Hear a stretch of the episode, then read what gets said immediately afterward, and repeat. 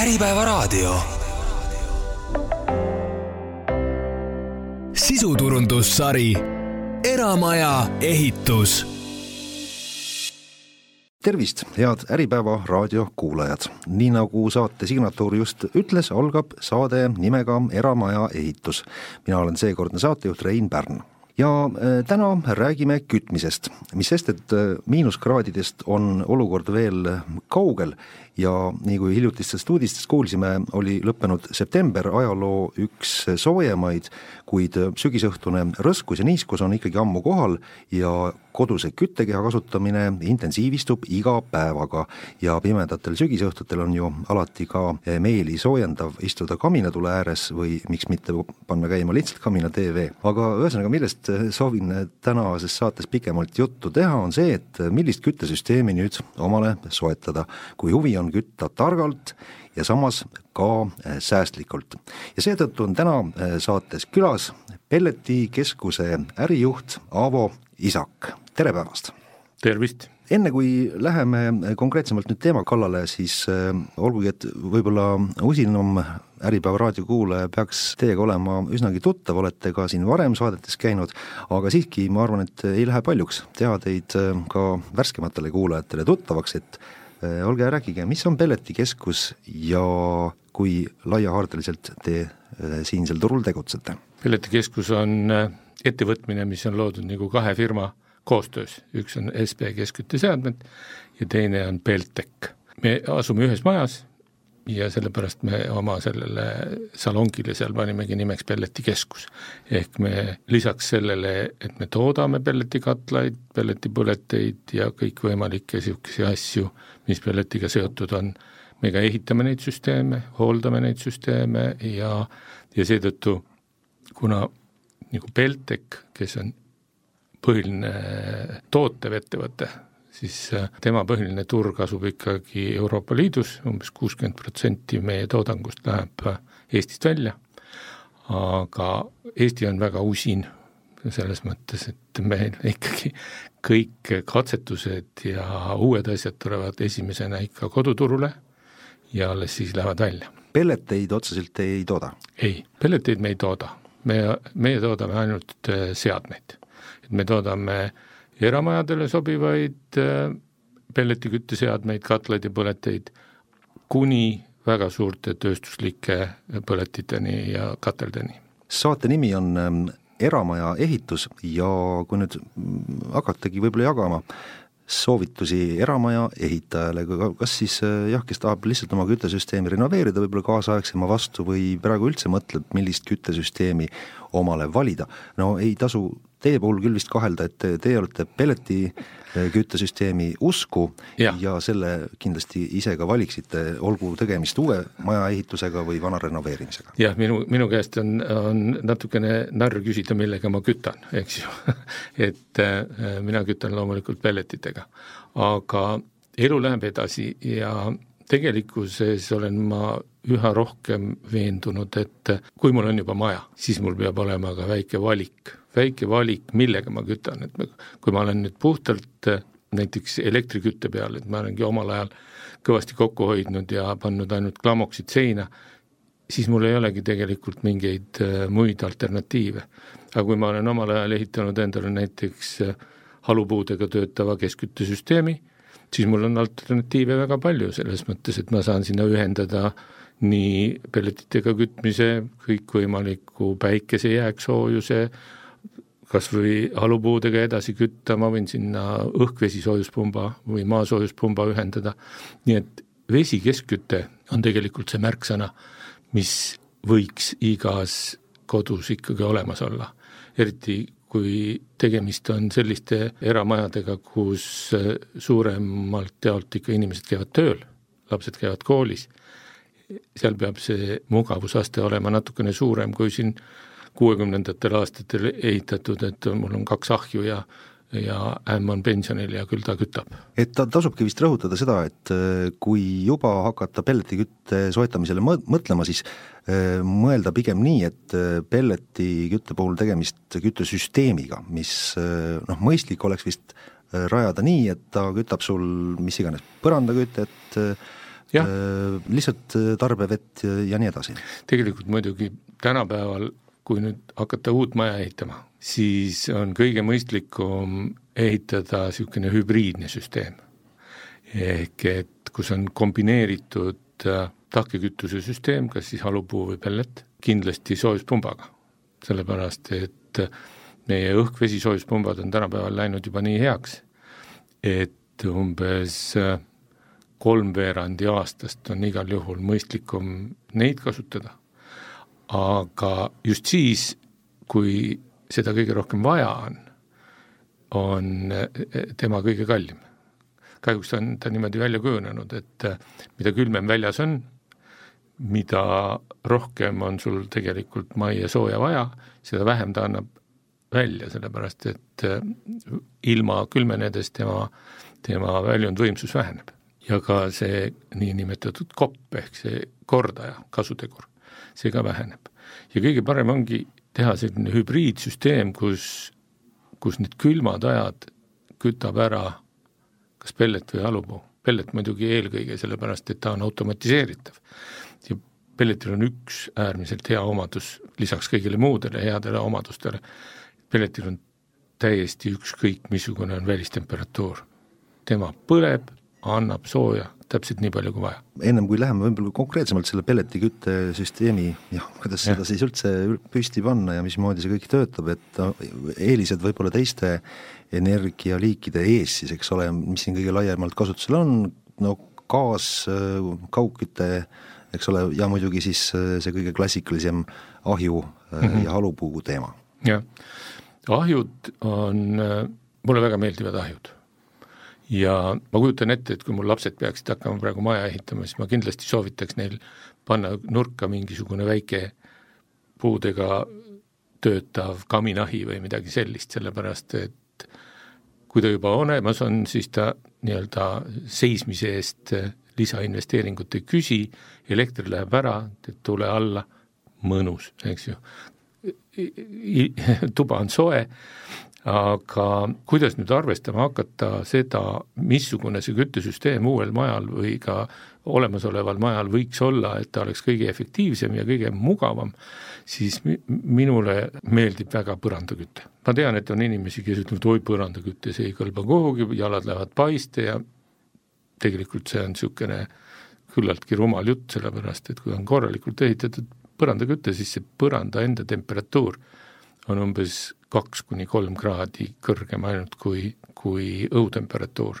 nii et kui me tahame hoida toas kahtekümmet kolme kraadi, siis on meie põrandatemperatuur seal kuskil kakskümmend kuus, kakskümmend seitse. ja see ei ole midagi sellist, mis jalad paista ajab või midagi, noh, põrandaküte on hästi mugav ja ehitamisel on ta praktiliselt samasuguse eh, hinnaga kui radiaatorküte,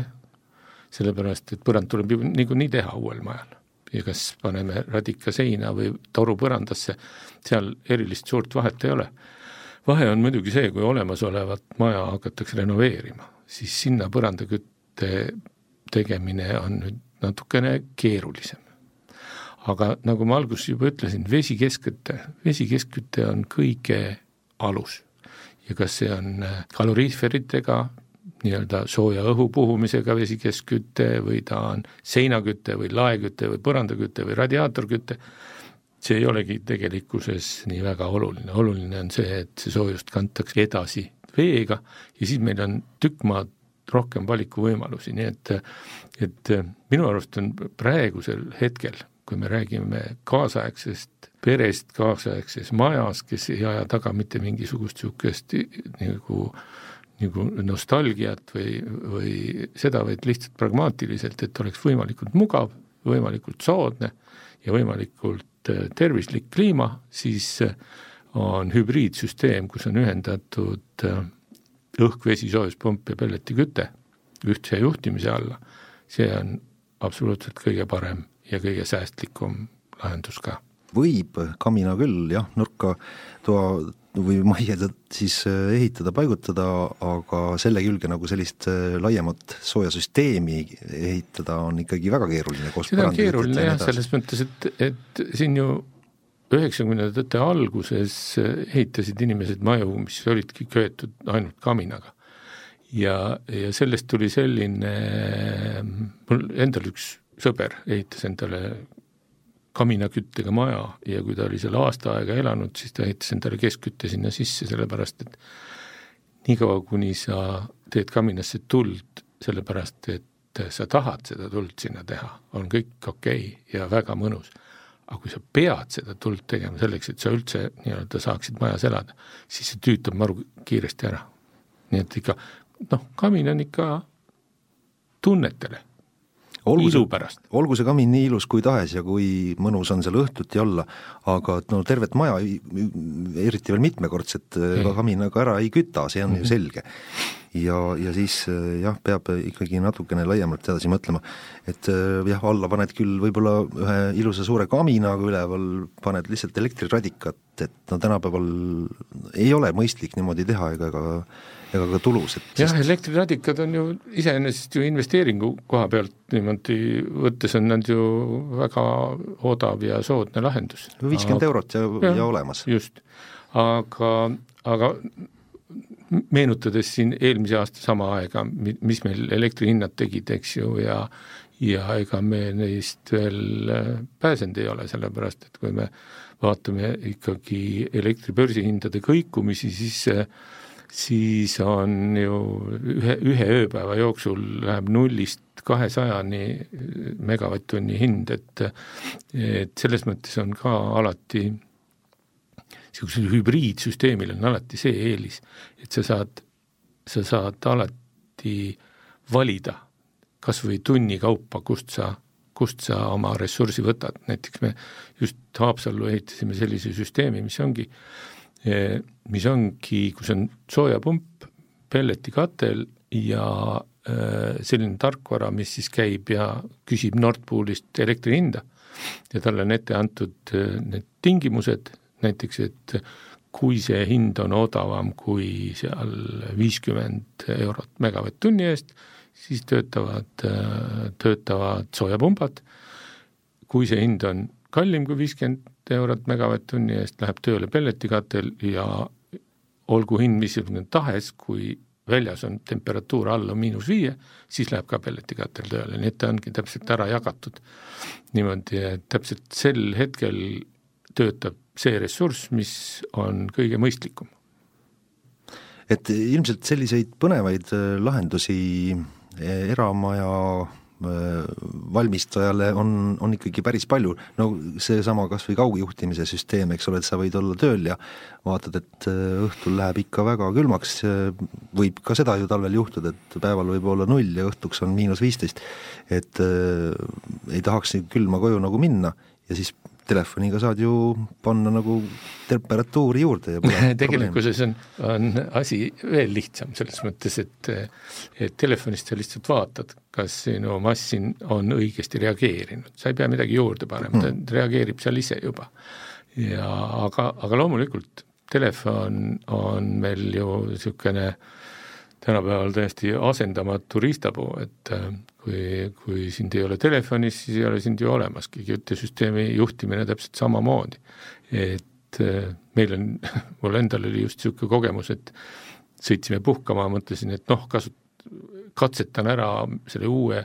uue äh, soft'i, mida me olime just välja lasknud, kus oli niimoodi, et vajutan nupule puhkus, tema küsib mitu päeva, seitse päeva, sõida minema, et paneb maja nii-öelda säästurežiimile. Ja tegingi seda,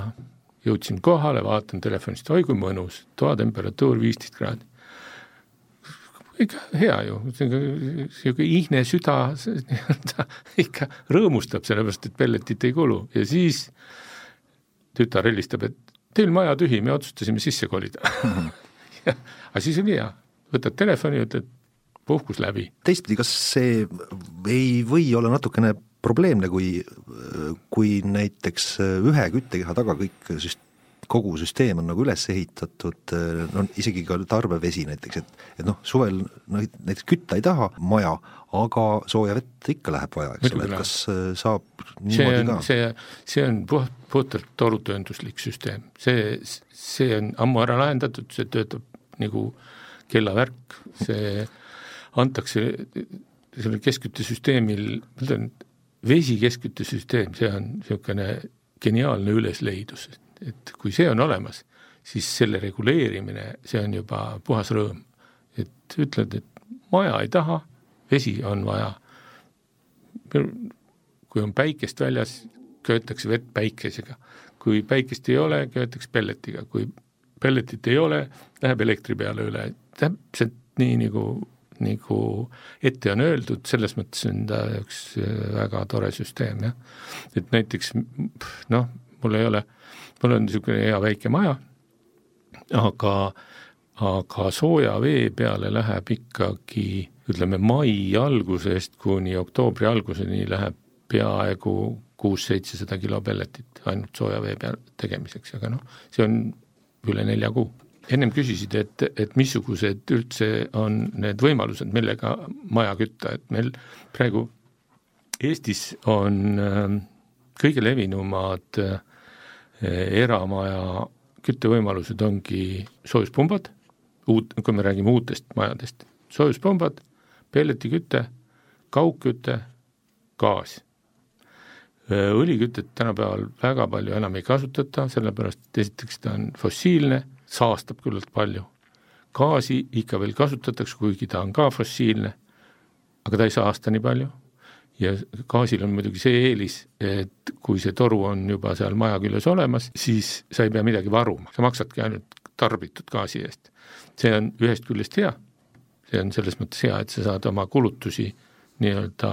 ajatada natuke et kui, kui on näha, et raha hakkab otsa saama, panen maja natukene jahedama peale. Teisest küljest on see jälle kehv, sellepärast et nagu siin äh, eelmine aasta oli, gaasi hind muutus, plikk-plakk-plukk ja gaasi hind muutus, sul ei olnud gaasi kuhugi varuda. pelletit on sul, suvel ostan pelleti ära, panen garaaži, seisab, on hea hinnaga pellet olemas, on juba täpselt nii nagu küttepuugagi, et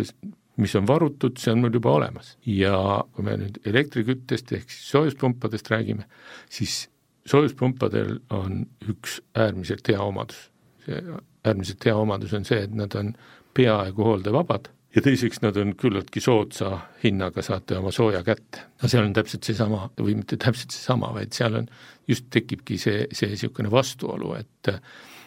mida külmem on õues,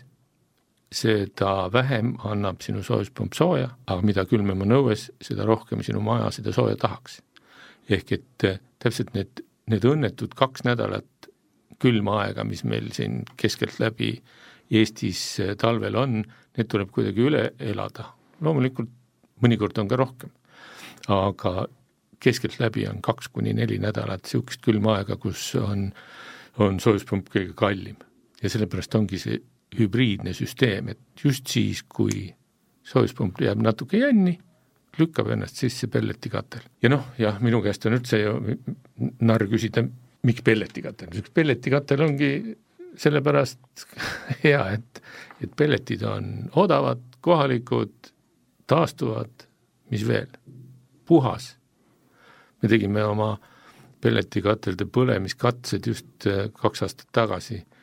ja siis, kui need eh, ranged ökodisaini nõuded hakkasid kehtima, kahekümnenda aasta jaanuarist hakkasid kehtima ju Euroopas ökodisaini nõuded, kus on kohutavalt karmid eh, heitmete normid. Ja me tegime need oma kat-, katelde ja põletite katsed ära ja me läksime sinna niimoodi sisse, et mitte mingisugust, üheski, üheski heitme osas me ei ületanud neid norme, me nii-öelda kogu meie mass siin on klass viis ja kui me nüüd selle heitmete juurde tagasi tuleme, siis praegu ma ei tea, kui, kui kursis te olete, siin septembri alguses pidi KredExi ja EAS-i ühistöö tulemusena avatama niisugune meede, et hakatakse toetama inimeste saastavate keskkütte või üldse kütteallikate ümbervahetamist puhaste vastu. aga nüüd oli niimoodi, et võeti kätte Keskkonnauuringute Keskus tegi üle-eestilise mõõtmise, mõõtis õhukvaliteeti ja mõõtis välja kõige kehvema kvaliteediga, õhukvaliteediga asulad. Ja seal ongi just see, et seal on küllaltki vana äh,, eramajad on küllaltki vanad, seal isegi eelmise sajandi algul ehitatud, mõned kuuekümnendatel ehitatud ja need vanad umbkoldega ahjud ja vanad katlad, nende heitmed, mis korstnast välja lähevad, neid on nii palju, et see saastab selle ümbritseva õhu ära ja nüüd tehti siis niisugune meede, et lõhu oma vana ahi välja, ehita uus ja säästlik ja puhas asemele, meie maksame sulle pool sellest kinni. ja see pidi kaheksateistkümnendal septembril lahti minema, see meede, ja siis jooksis kogu nende tarkvara kokku, siis nad ütlesid, et ups, kahekümne viiendal ja kahekümne viiendal septembril teatasid, et detsembri alguses, kui hästi läheb, siis see, siis see toetusmeede avatakse. nii et sellega on muidugi natukene kehvasti, sest et inimestele oli seda juba kommunikeeritud päris äh,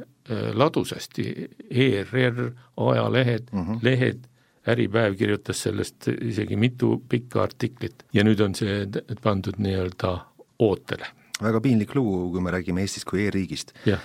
Aga laiem äh, teema on alati vist äh, inimestel see, et kas jah, äh, elada siis nagu kuidas öelda, laenu või, või võlgu või siis teha ise kohe suurem investeering alguses ära, mitte siis pärast maksta arveid. et kui jah, see, see küsimus kuidagi nüüd inimestele lahendamiseks noh, kergeks teha, et mis siis nagu mõistlikum oleks, et kas alguses teha üks korralik suur investeering ära või siis jääda ootama, mida siin nüüd energiahinnad laiemalt teevad, mis siin börsidel hakkab toimuma ja siis noh, hambaid krigistades küll ikka rahakoti põhjast selle väikse kopika sealt välja pigistab. oi, see on nüüd küll sajandi küsimus, kui ma oskaks sellele küsimusele üheselt vastata, siis oleks Warren Buffett minu kõrval poisike. aga tõepoolest, see, see ongi küsimuste küsimus, et et kui me tõepoolest võtame eramaja ehituse, et kui mina kui eraisik hakkan endale maja ehitama, mitte ma ei lähe ostma teda, vaid hakkan endale maja ehitama, ega ma siis teda ju ikka ilma laenuta tänapäeval väga noh, on inimesi, kes suudavad seda ka ilma laenuta teha,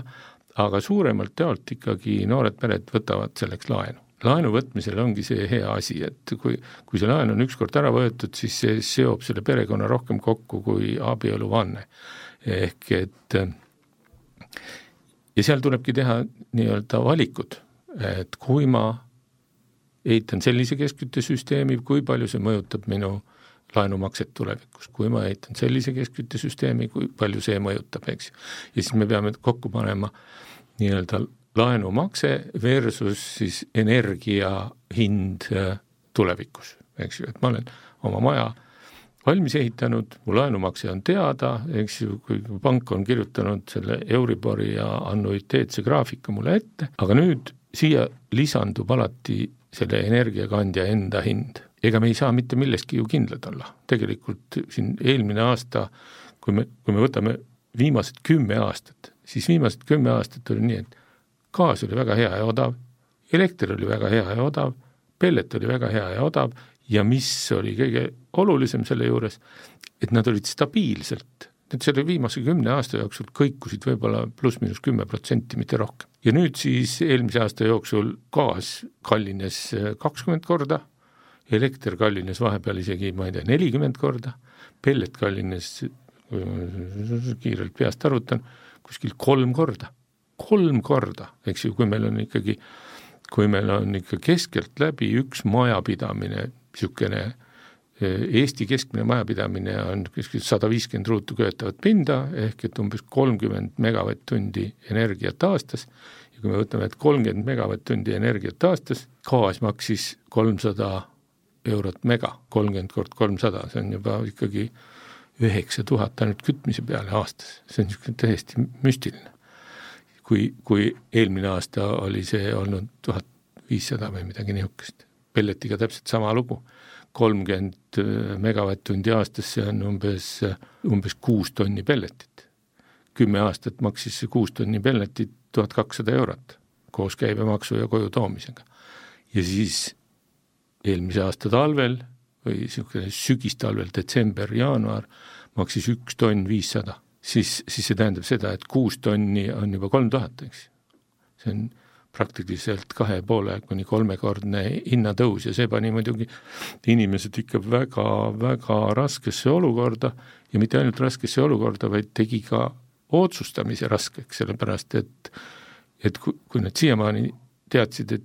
see on niisugune stabiilne, võrdleme sellega, võrdleme gaasiga, võrdleme kaugküttega, kõik on enam-vähem ažuuris, ma tean, palju mul investeeringuks läheb ja teengi omad need otsustused selle pealt ära. aga praegu on äärmiselt keeruline seda otsustada. ainus asi, mille pealt me seda otsustada saame, ongi see, et me hindame seda riski, kust see kütus pärit on. ütleme, õli, gaas on pärit fossiilsest maakoorest, eks ju, ja me ei, ei tea täpselt, ütleme praegusel ajal on veel see, et Venemaalt praegu gaasi sisse ei tule, see veeldatud maagaas tuleb laevadega kas siis eh, Soome, Leetu või nüüd ka siis Paldiskisse, aga mida me praegu hoogsalt Venemaalt sisse veame, on ju LPG ehk propaanbutaan, mis on nii-öelda naftasaaduste kõrvalprodukt. Ja see on nüüd küll tegelikult äärmiselt imelik, et, et sellist asja lubatakse Euroopa Liitu sisse tuua täiesti legaalselt ja, ja me oleme veel uhked ka, et oi, meil on ju LPG-ga on meil toiduainete tööstuse toiduohutus ja toidu mis see siis oli, kuidas nad seda kutsusid, et, et, et meil peab olema toidu tootmises kindlus. jumalukene, meil on olemas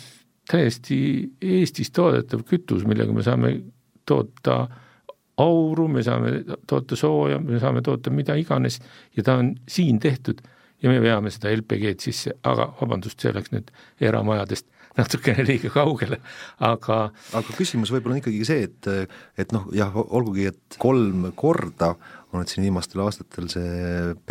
pelleti hind tõusnud, aga jah, jääb see ei ole enam, ta on alla tagasi läinud. või alla tagasi läinud. ja see, see, see oli niisugune üksik hüpe nagu täpselt nagu gaasigagi elekter ja gaas ja, ja pellet ja, ja nafta ja kõik hüppasid ju eelmise aasta selle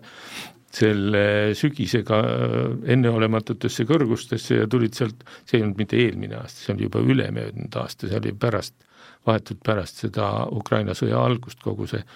konvulsioonid hakkasid, praeguseks on nad tegelikult läinud juba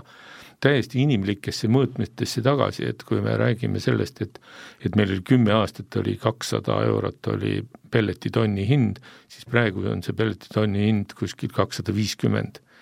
Noh, mõni müüb ka kallimalt, eks ju, kuni kolmsada, aga mitte üle, mitte üle kolmesaja aga igal juhul pelleti energialiiki vaadates no selliseid hinnakõikumisi kui näiteks elektri ja gaasi puhul oli praegu küll, vist ei ole kusagilt ette näha, mis sest, et praegu on tänu Venemaa turu ärakukkumisele vist selle tooraine kättesaamisega meil siin puidu mm, ei, sektoris üldse natukene keerulisem. ei, puidusektoris ei ole tooraines, to-, tooraine puudus, tooraine puudus on, on küll puidusektoris olemas, aga see ei ole seotud Vene turu ärakukkumisega või selle sisseveo lõpetamisega, see on pigem seotud sellega, et, et meie nii-öelda puidutööstuste turg on kokku kukkunud, et puidutööstused ei tee nii palju tööd enam kui vanasti, et Rootsi turule ei müüa puitmaju ja ja Saksa turule ei müüa puitmaju ja kui ei müüa puitmaju ja aiamaju ja kõiki muid niisuguseid toredaid asju, siis ei teki ka ju höövlilaastu, saepuru ja sellist asja, nii et et see on pigem ikkagi seotud sellega, et, et meie, meie üleüldse puidutööstusel praegu väga kerged ajad ei ole. Pelleti investeeringu puhul, no selles mõttes selle pelleti hinna üle äh, muretsemine võiks jääda sinna kusagile viimaste lehekülgede äh, teemaks. jah, iseenesest on muidugi ju see, et, et kui me teeme ikkagi, ehitamegi sellise väikse maja, mis ei nõua erilist, erilist energiat, eks teemegi mingi kuuskümmend ruutu maja, hästi soojustatud korraliku ventilatsioonisüsteemiga ja ja arvutame kokku, et sinna kulub meil aastas viis megavatt-tundi soojusenergiat, mitte rohkem. siis see viis megavatt-tundi soojusenergiat, seal ei olegi väga suurt olulist vahet enam, millest me selle teeme, selle kannatab ära isegi õliga kütta, sellepärast et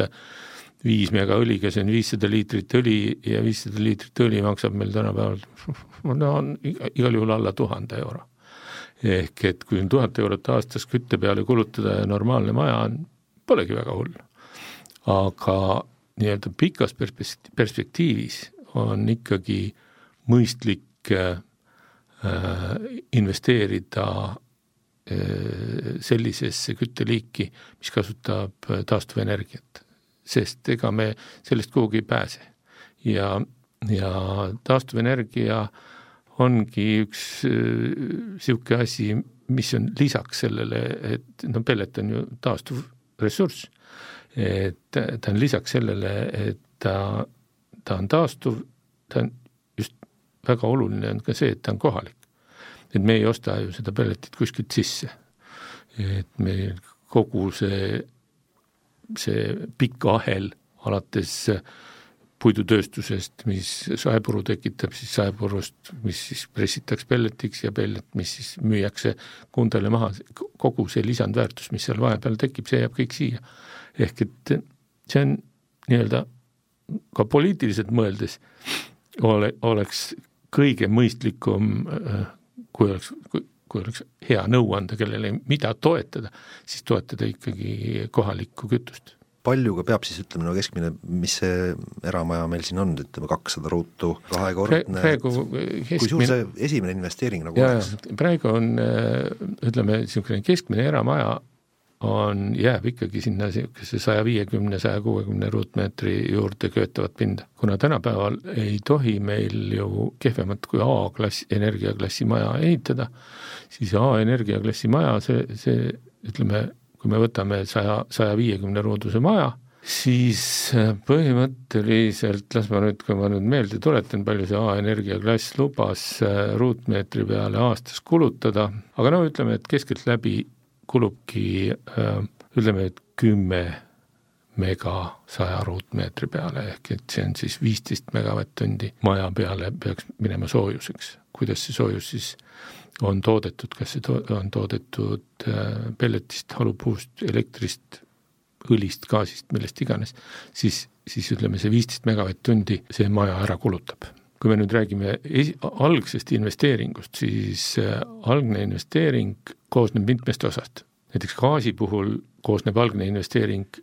gaasiseadmetest, ehk et gaasikatel ja süsteem, aga ka liitumisest. ehk trass tuleb kaevata? trass tuleb kaevata ja kui seda trassi seal lähedal ei ole, siis seda seal lähedal ei ole. see, seda kaevata nii-öelda kuskilt väga kaugelt, see on ikka täiesti mõttetu investeering. aga kui me nüüd räägime näiteks pelletikatla maksumusest, näiteks et võtame ühe niisuguse saja viiekümne ruuduse eh, eramaja ja paneme talle ütleme, kuueteist kilovatise pelletikatla,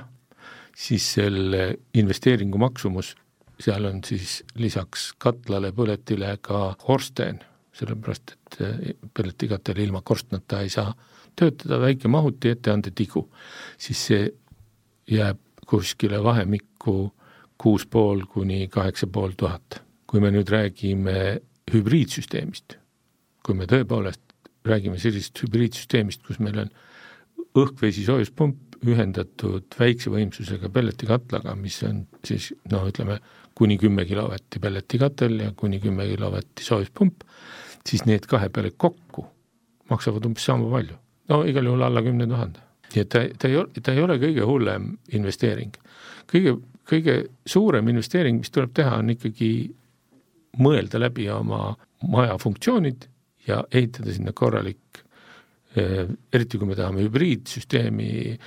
ehitada, siis tasub igal juhul rõhuda põrandaküttele, sellepärast et mida madalama temperatuuriga maja soojaks kütta, seda vähem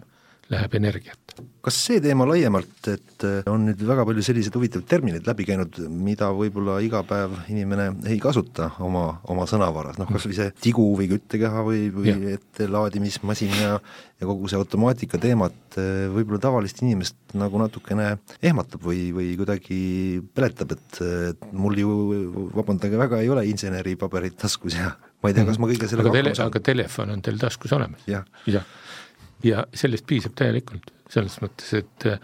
nutitelefon on tänapäeval, äh, lahendab kõik insenerlikud probleemid teie katlamajas ära, selles mõttes, et selle, et ei ole mõtet äh, ehitada endale või lihtsalt karta tehnoloogiat. tehnoloogia ongi selleks tulnud, et meid abistada, selles mõttes, et loomulikult on olemas ju näiteks need korralikud voolukiviahjud, eks. Ju, ahi ta, seal on isegi see põlemine korralikult läbi mõeldud ja põleb puhtalt ja seal ei ole suurt midagi keerulist. aga ahjul on üks väga niiru asi, puud ei lähe ise sisse, vot see on ja tuhk ei tule ise tuhk välja? tuhk ei tule ise välja, puud ei lähe ise sisse, tuhk ei tule ise välja, kõik muu on imeilus.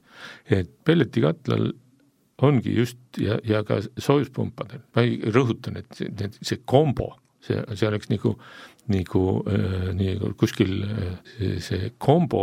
õhk-vesi soojuspump pluss pelletikatel, see, see on tegelikult see, mis äh, on lähiaastatel kõige levinum küttesüsteem uutel, uutes majades, sellepärast et eriti kui, kui nüüd tuleks üks ilus külm talv ka veel, iga külma talve järel ehitatakse Eh, soojuspumpadele alati pelletikatel kõrvale ja siis on kõik mured murtud.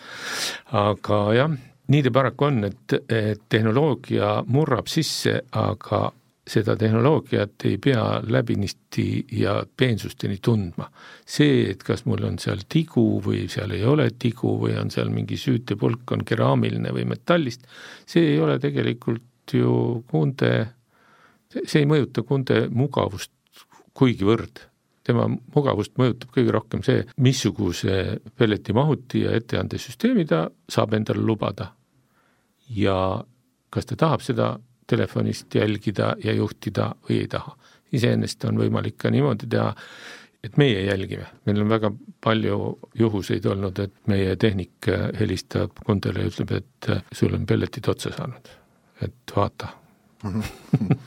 et kui võib-olla kokku võtta seda asja kuidagi niimoodi, et, et ütleme, kaugkütte puhul või, või siis äh, ahjukütte puhul on äh, probleem see, et äh, pärast on, ütleme, puude tassimist päris palju seal süles ja, ja tuha välja tassimist ja korstnapühkija peab käima kogu aeg ja kaugkütte puhul näiteks on see, et, et arveid tuleb pidevalt maksta ja need on ka ikkagi hirmsad ja suured. Aga ühesõnaga pärast on raske, aga pelletikütte puhul on alguses see keeruline arvutus vaja ära teha ja pärast on lihtne. tegelikkuses eh, on kõigiga alguses keeruline, mitte ainult pelletiküttega, põhimõtteliselt see, see esialgne investeering ja see, see läbimõtlemine ei ole ainult mitte pelletikatla ja põletiga keeruline ka kaugkütte puhul, kui eh, kaugküte on iseenesest üks, üks paremaid kütteviise, mis üldse olemas on, välja arvatud see, et temaga liitumine on kallis ja pärast oled sa nii-öelda monopoli otsas, ehk et äh, tema vastavalt sellele, missugused on äh, tingimused, tema siis tõstab hinda, langetab hinda ja tarbijal ei ole muud äh, võimalust nii-öelda valik, valikuvõimalust, kui et kas jahedam tuba või soojem tuba. kui me võtame niimoodi, et me nüüd ikkagi kasutame kombo varianti ehk hübriidvarianti, siis meil on tegelikult väga mitmeid valikuid, mida me teeme. mis ajal me lülitame sisse pelletikütte, mis ajal me lülitame sisse soojuspumba, kust me pelletid ostame, kas me, kui meil on raha, siis me ostame näiteks ja kui meil on kohta, kuhu panna, siis kõige parem on ju valmis osta suvisel ajal, sellepärast et suvisel ajal on alati pelleti pakkumine suurem kui nõudlus, ehk et just see, see, kui vahepeal tundus, et see niisugune kütuse varumine talveks on nagu, nagu halb, ehk et ma parem maksan iga kuu arveid, siis praegusel ajal, eriti vaadates, mis paari viimase talvega on juhtunud, on see pigem jälle au sisse tõusnud, et ma teen hea diili, ostan endale talvevaru ära ja siis mul on mured murtud. üks asi, kui ma nüüd tutvusin selle pelletimaailmaga ja pelletikütte maailmaga, mida ma ei suutnud kusagilt kohe välja lugeda, oli see, et kuivõrd pika eluringi tavaliselt pelletisüsteemi ette nähakse, et, et kui, kui mitme või mitme aastakümnega võib siis nagu rahulikult arvestada, et, et äh, ei pea hakkama suuri, suuri muudatusi tegema või või kas jooksvalt on selliseid, ütleme, mingisuguseid põletite väljavahetamist? jaa, jooksvalt on ikka... loomulikult, et noh, meil ongi ju esimene küsimus on see, et, et Kundele, kui ta sellise küsimuse esitab, et vot aga äh, kui vana autoga sa sõidad ja siis ta ütleb, no kaks aastat või kolm aastat või viis aastat, aga kui vana su põleti on, no viieteistkümnes jookseb ja süütepulk läks juba läbi, eks ju. et aga põhimõtteliselt on need ikkagi, on nad ikkagi kestvuskaubad, ehk äh, meie katlad on ehitatud äh, perspektiiviga kakskümmend viis aastat tööiga ja põletid on ehitatud perspektiiviga viisteist aastat tööiga. ja see tähendab siis seda, et viieteist aasta jooksul võib juhtuda, et ta on moraalselt vananenud. ta iseenesest võib veel edasi töötada, sest et ta, tema, kõik tema osad on vahetatavad ju. me, meil on praegu, me hakkasime tootma pelletipõleteid aastal kaks tuhat viis ja meil on veel kunded, kes äh, töötavad nende samade kahe tuhande viienda, kahe tuhande kuuenda aasta põletitega, aga seal, sealt on juba ikka tükk maad vett merre voolanud ja, ja esimesed on muidugi juba ka teisel ringil, et lihtsalt kuna järgmise põlvkonna põleti on mugavam ja on säästlikum, siis vahetatakse vana põleti lihtsalt uue vastu välja. aga, aga katel on ikka sama, nii et ütleme kaks, viisteist, kakskümmend viis on see meie meie enda arvestus, et viisteist aastat on nii-öelda moraalse vananemise iga ja, ja kakskümmend viis aastat on nagu katla eluiga, kuigi katlad elavad kindlasti rohkem. No täiesti korralik äh, eluiga ikkagi, et äh, võib-olla siin ainult need paekivist laotud äh, suured vanalinna igasse maja, majja ehitatud